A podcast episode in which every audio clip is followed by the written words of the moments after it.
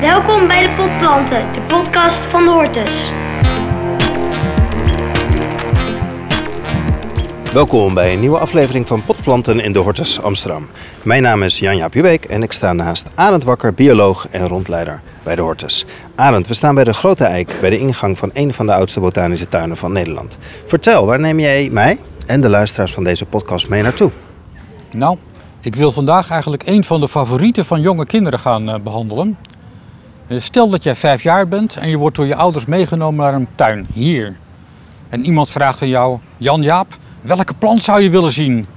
Wat zeg je dan als vijfjarige? Eh, de bananenplant, De bananenplant, ja. de cactus. Kak, Oké. Nou, vaak wordt gezegd, ik bedoel, je bent toch een Ik klein geef beetje... niet het goede antwoord, Uit, trainingen, de- je bent geen vijfjarige meer.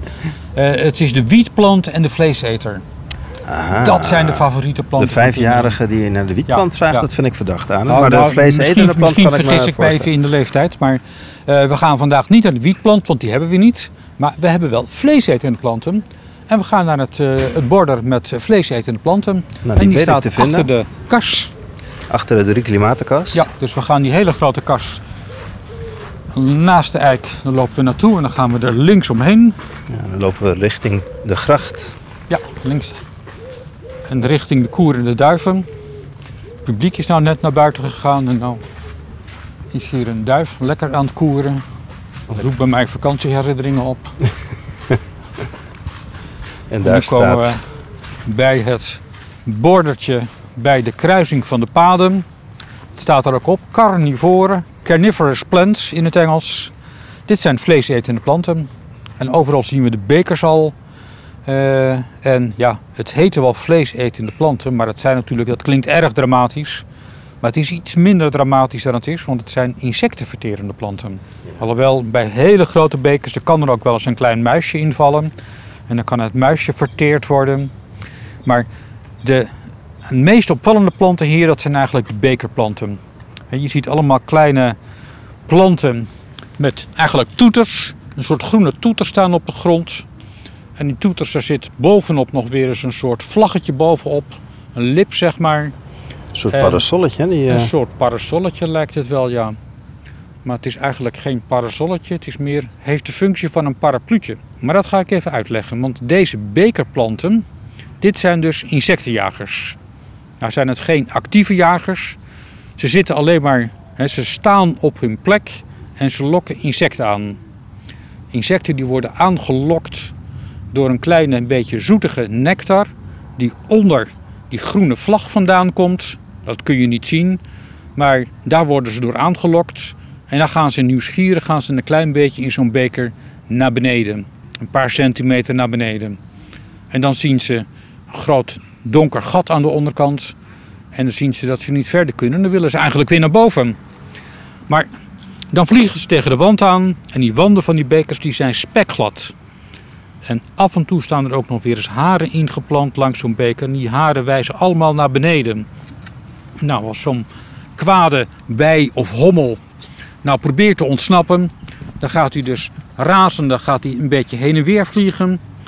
En geleidelijk aan komt hij lager en lager. En natuurlijk, hij wordt kwader en kwader. En uiteindelijk belandt hij helemaal onder in de beker, wordt het erg nauw. En dan komt hij in water. Water wordt door die plant zelf eh, een klein plasje in stand gehouden. In dat plasje daar zitten ook verterende middelen.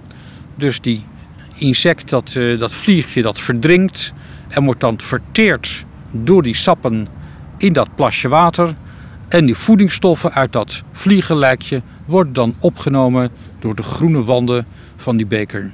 En onderin zo'n beker, daar gaat zich in de loop van de zomer dan ook een hele laag van dode insecten ophopen. Nou, we gaan zo meteen zo'n beker opensnijden en dan gaan we de jachtbuit van de afgelopen zomer bekijken. Want het zijn dus eigenlijk jagers. de, de vleesetende plant daarnaast, die zitten, daar loopt een mier op. Glijden er ook mieren in? Hij eet er gewoon kunnen, alles er wat... zouden eh, ook mieren in kunnen glijden, in kunnen glippen. We zien er hier, als je er zo in kijkt, kun je ook wel. Maar er zijn ook wel kinderen die daar stokjes in gooien. Nou, soms ook wel eens wat oudere kinderen die daar mee aan het experimenteren zijn. Hier zit iets heel donkers in.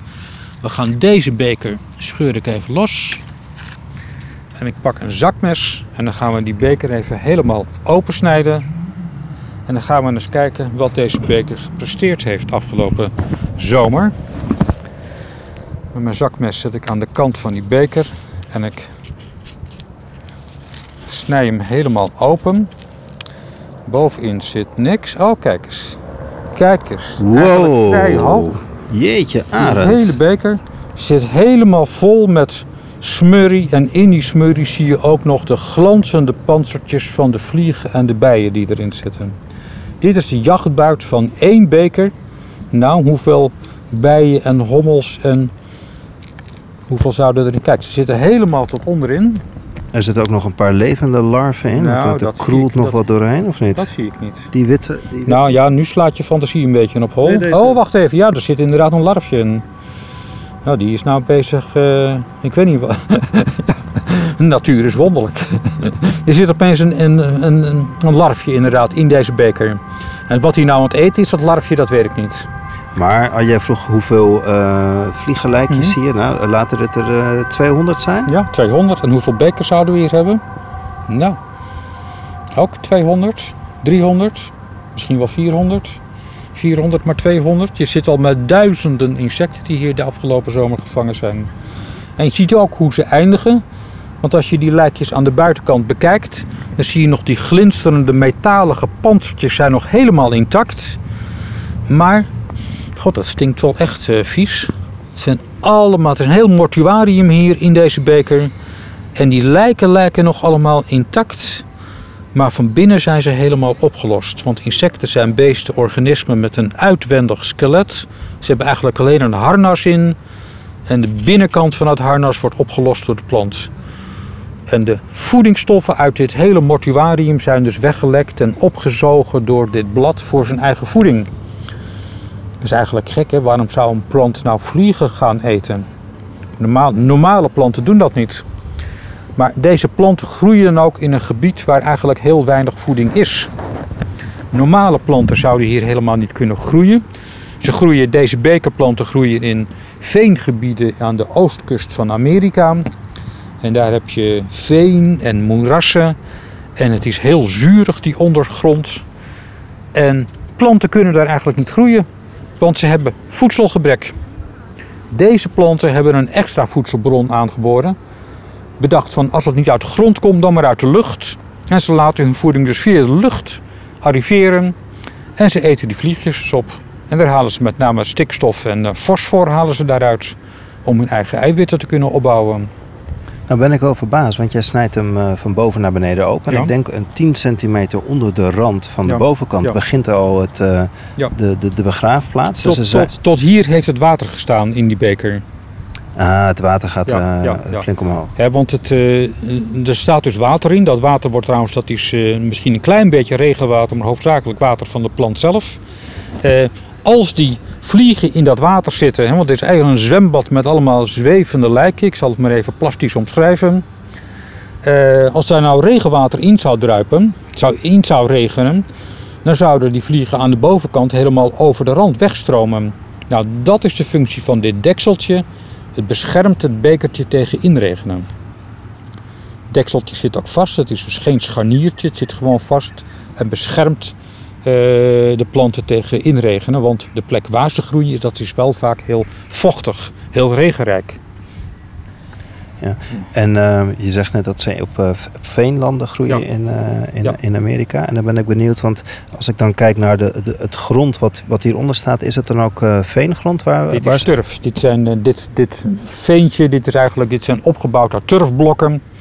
Eh, nou, die turfblokken komen nu overal vandaan, maar dat heeft eigenlijk ook dezelfde eh, eigenschappen van veen. Het is hetzelfde veen wat wij hier ook rond Amsterdam hebben. Waterland bijvoorbeeld, daar vinden we ook veen. En daar vinden we ook eh, eh, vleesetende planten. Dan wel niet deze bekerplanten, maar wel een type andere planten, namelijk zonnedauw en vetblad. Nou hebben we hier niet het Nederlandse zonnedauw en het Nederlandse vetblad. Maar hier zie je wel een plantje staan met een beetje vleesgroenachtige roze blaadjes. Een beetje vet glanzende blaadjes, alsof er een beetje olie op zit. Dit is vetblad. En dit is heel... Hier komen dus ook vliegen op af. aangetrokken door de geur en misschien een beetje ook de kleur van dat blad. Dat weten we eigenlijk niet goed. Eh, die blijven op dat blad kleven eh, en daar sterven ze. En hun lijkstoffen worden weer door het blad opgenomen. Dus vetblad is ook een vleesetende plant. En hier zien we ook nog allemaal mooie zonnedauwen. Kijk je prachtig hoe in dat licht eh, dat glanst op die rode stekeltjes op dat zonnedauw hier. Daar zitten ook allemaal kleine druppeltjes aan. Vroeger dachten de mensen dat dat dauw was, maar geen echte dauw. Nou, dat werd dan zonnedauw genoemd. En dat zonnedauw, dat is ook weer kleverig spul. Daar blijven vliegen aan kleven. En zonnedauw, dat bijgt zich altijd enigszins ook over de, met al die tentakeltjes over de vlieg of de bij heen. En uh, ja, dan wordt aan, hangend aan zo'n blaadje, klevend aan zo'n blaadje, wordt die dode vlieg ook uh, verteerd door het plantje. En die plant onttrekt daar zijn voedingsstoffen aan. En dan groeit hij weer door. Ja. Hey, en aan staat het, uh, staan deze planten er de hele winter ook door? Want dan zullen er minder insecten zijn, Ja, neem nou, ik zo aan. de planten hier staan 's winters altijd in de overlevingsmodus. Eh, heel vaak hebben we hier dan ook een glasplaat over. Dan is het veel te. Dit, wat we hier nou keken, dat was Kaapse zonnedauw, dus uit Zuid-Afrika. En dit is nog weer een andere zonnedauw. Dit zijn allemaal planten die eigenlijk eh, behoorlijk wat licht en zon nodig hebben om te functioneren. En in onze winter, daar kwijnen ze een beetje. En in de lente, dan pepperen we ze altijd weer op. En nu hebben we weer aan het eind van de zomer een hele grote eh, pluk met allemaal type vleesetende planten, van- eigenlijk vanuit de hele wereld. In ieder geval Zuid-Afrika en Amerika. Ja, het is een hele, helemaal vol, hè? Ja, Ze, ja. ze doen het goed. Ja. Nou staan ze ook naast het eh, biodiversiteitsstukje. Ja. Helpt dat ook dit jaar mee, denk je? Dat zou kunnen. Eh, nou, we hebben een, een veel aardig, want we hebben ook een, een bijenkorf in de, in de tuin staan. Die staat daar verderop, op eh 20 meter afstand hiervan. En hier komen natuurlijk ook heel veel eh, honingbijen naartoe. En eh, een deel van die bijen die we er net zagen in die beker, dat zullen honingbijen zijn. Eh, Dus die hebben hun laatste honing niet afgegeven aan de raad. Om, eh, waar we in de Hortus eh, shop de honing van verkopen. Maar die hebben hun laatste honing ja, en hun laatste minuten gesleten in een van die bekers hier. van de bekers van de vlees. Het klinkt heel dramatisch, maar ja, zo dramatisch is de natuur natuurlijk ook. Het is een kwestie van leven en zorgen dat je, dat je overleeft. Ja, dat doen zowel de insecten als de planten. Het merkwaardige hier is natuurlijk dat deze planten ook nog bloemen maken. Dat zijn deze rare geel-groene dingen die hier bovenop die stengel staan. Dit zijn de uitgebloeide bloemen van deze bekerplant. En de plant heeft insecten nodig om die bloemen te bestuiven. Dus hij is weer afhankelijk van levende insecten voor de bestuiving van zijn bloemen. Wacht even hoor. Het ene deel van de, van de plant die eet hem op en het andere deel heeft hem nodig om te, om te bestuiven. dat is precies. Zo ingewikkeld zit dat. Nou is het meestal wel dat het, laat ik zeggen, de maanden waarin meestal ze gevangen worden, dat, is, eh, dat zijn niet de maanden waarin de bloemen bloeien. Soms, meestal gaat die bloei er een beetje aan vooraf. Maar voor een deel overlapt het elkaar wel degelijk. En eh, ja, het is maar net eh, welke kant van de bloem eh, bekeken wordt en bezocht wordt door de bijen en de hommels. Ja, als hier nou limonadewespen opgegeten worden, dan vinden we het natuurlijk prachtig. Maar de honingbijen, dat willen we weer niet. Ja, het is erg ingewikkeld. Ja. Maar ik weet uit eigen ervaring dat, dat eh, eh, want dit zijn de, die kokers, hè, die trompetten. Ja, een klein ja. stukje verderop staan die, ehm, die platten, die, eh, Ja, die de, dicht, Ven- de Venusvliegenval de met vliegenval. de dichtklippende, de dichtklappende blaadjes. Dat is eigenlijk het meest bekende. Ja. Omdat je daar op een gegeven moment, als je dat gaat proberen... We gaan eens even dit blaadje gaan we proberen. En ik doe even net Ja, of ik een klein eh, vliegenpootje heb. En dan ga ik tussen die haartjes, dat zijn twee groene blaadjes van dat Venusvliegenval. Het is eigenlijk een heel klein onogelijk plantje. Maar hij heeft twee blaadjes die een klein beetje rood aan de binnenkant zijn. En midden in die blaadjes, eh, alweer dat moet je eigenlijk op, eh, dan moet je even op je buik gaan liggen en het dan even gaan bekijken. Daar staan drie voelharen.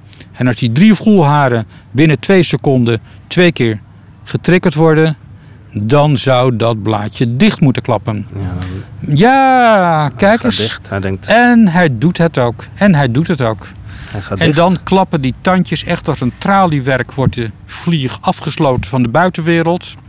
En als die spartelende vlieg dan zijn laatste blik naar buiten werpt en nog verder blijft spartelen, Dan worden die blaadjes nog dichter geklemd. Daarna gaat dat blaadje verteringsvloeistof afgeven aan dat vliegje. Het vliegje sterft, wordt verteerd. En de voedingsstoffen van het vliegenlijkje worden opgenomen aan de binnenkant van die blaadjes. Ja, nu heb En je hem dan de na- maling genomen, dus hij zou honger hebben vanavond. Ja, inderdaad. eh, dit vindt hij niet leuk. Maar ja, de plant heeft hier niks aan. Hij heeft zijn, Nee. eh, zijn leven gegeven. Nou, dat ene blaadje tenminste voor de wetenschap, zal ik maar zeggen. Maar dat, eh, dit plantje, want dat heb ik Ja. al eens thuis gehad, Ja. ehm, dat is best heel lastig want dat, eh, eh, om, om die thuis levend te houden.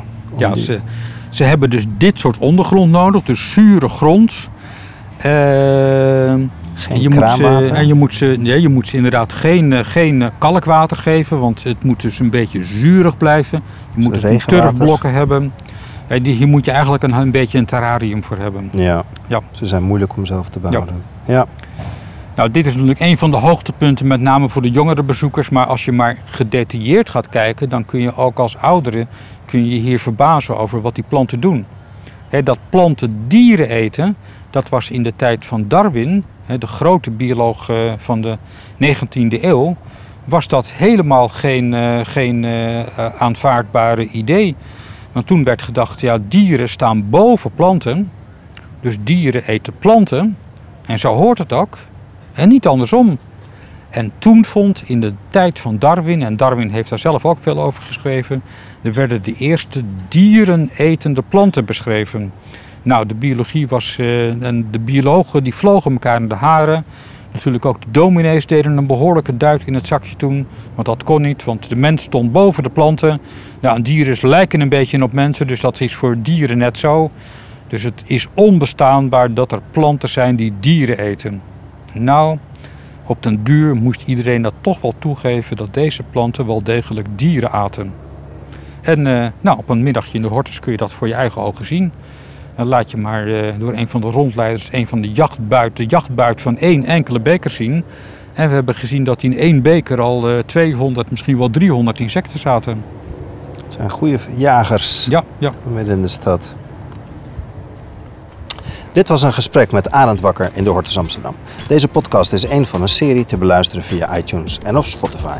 Wilt u de vleesetende planten zelf komen bekijken? Kom dan naar de Hortus in Amsterdam. Voor meer informatie over openingstijden en andere informatie kunt u kijken op www.dehortus.nl